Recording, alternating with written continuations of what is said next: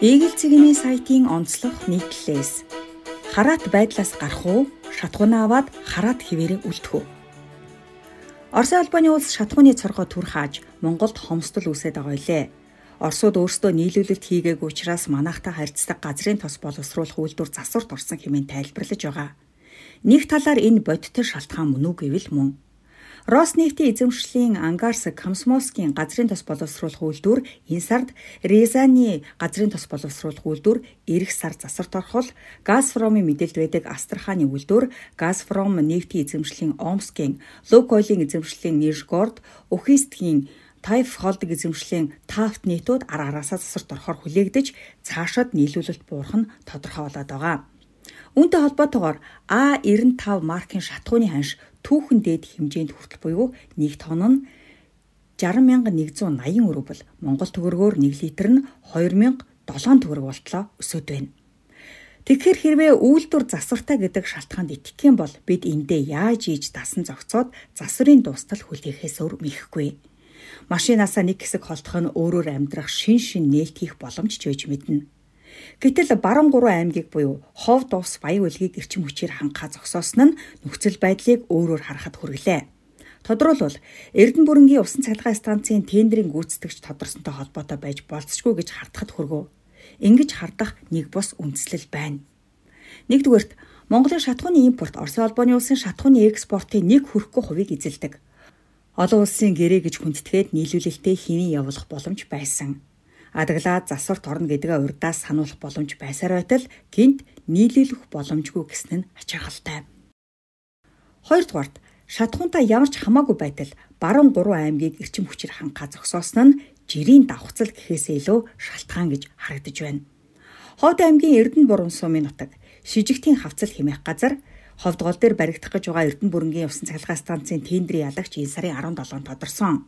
Янда сайдын хийснээр Оросын холбооны улс захаасан шатхууны чинь өгч чадахгүй гэдгээ 20-ны өдөр хэлсэн байх юм.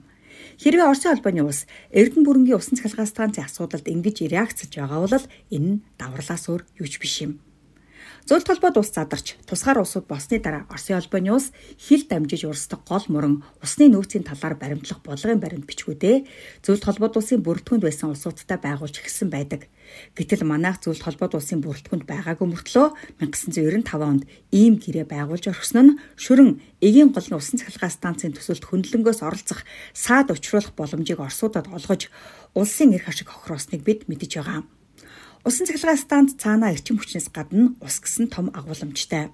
Монголчууд хэрлэн говь төсөөс эхлээд ихээр хохирсон бөгөөд үүнд хувь нэмрээ оруулсан дотоодын нэр бүхий улс төрчид ч бий. Тэгвэл Эрдэнэ бүрэнгийн усан цахилгаан станц Төв Азийн гадагшаа урсгалгүй айс авд багтдаг ховд гол дээр баригдах болохоор Оросын холбооны улсад ямар ч хамааралгүй. Хэрвээ энэ асуудлаар Оросууд реакцж байгаа бол цэвэр даварсан хэрэг гэдгээ дахиад тайлбарлая. Монголчууд бид хоёр хөрштөөгөө тэнцвэр барьж байж аюулгүй байдлаа сахина гэдэг бол хүнд ч тодорхой зүйлээ. Тиймдээч үндэсний аюулгүй байдлын үзэл баримтлалд эхлээд хоёр хөршийн талаар дараа нь гурав дахь улсуудын талаар оруулсан байдаг. Улсын хурлаас 2010 онд баталсан үндэсний аюулгүй байдлын үзэл баримтлалын 3-1-1-ийн 4-т Оросын холбооны улс Хятадтай сайн хөршийн харилцаа, өргөн хүрээтэй хамтын ажиллагааг хөгжүүлнэ. Ингэхдээ үндэсний эрх ашиг, харилцааны түүхэн уламжлалыг харгалзан бүс нутгийн инх тайван тогтвортой байдгийг эрхэмлж, бүхэлдээ тэнцвэртэй харилцахыг эргэлзнэ гэж заажээ. Яагаад зүгээр тэнцвэртэй гэлгүй бүхэлдээ гэдэг үг нэмж оруулав.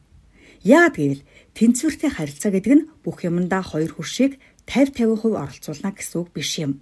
Их гүрнүүд угаасаа жижиг үндэстнийг ямар нэгэн юмар нь 100% атгаж байж 50 байдаг жамтай. Тэр утгаараа Монгол улс өргөн хэрэглээний бараа бүтээгдэхүүний импорт, түүхийн эдийн экспорт тал дээр бүгд найрамдах хятад ард улс, газрын тосны бүтээгдэхүүн, эрчим хүчний тал дээр Оросын холбооны улсаас бүрэн хамааралтай. Салбар бүр нэг улсаас бүрэн буюу бараг 100% хараат боловч бүхэлд нь харвал тэнцвэртэй л байна. Харин тэнцвэрх байдлыг хангаж байгаа салбарт хөршүүдийн өрсөлдөөн үүсвэл жишээ нь Оросын албаны улс бидэнд өргөн хэрэглээний бараа нийлүүлж түүхий эд худалдаж авах эсвэл хятад эрчим хүчний салбарт орж ирэх үед Монгол улсын тусгаар тогтнолын баталгаа алдагдаж эхэлнэ гэж үздэг. Гэтэл Эрдэнэ бүрэнгийн усан цахилгаан станц 100% Монголын төсөл шүү дээ. Орос улбаны улсын хувьд газрын тоос эрчим хүчээр монголчууд бие даах нь мөн л эрх ашгийг нь ноцтой зөрчсөн хэрэг бололтой. Нэгэнтээ Оросын холбооны улс ингэж харж байгаа бол бид газрын тос боловсруулах үйлдвэрийн бүтээн байгуулалтаа хурдлуулж дараа дараагийн эрдэнэ бүрэнг барьж байгуулан хамаарлаасаа нин даруй гарахаар шуурхарахаас өөр яах вүлээ. Газрын тостой, нүүрстэй, сэргээгт хэрчим хүчний асар их нөөцтэй бас хизээ нэгэн цагт зориглоод нөхцөл байдлаа өөрчлөх гэж оролдох нь зайлшгүй байсан. Усуу шатах нь маргаашийн өрөө өнөөдрийн уушгүй гэсэн тэмцэл явагдаж байна.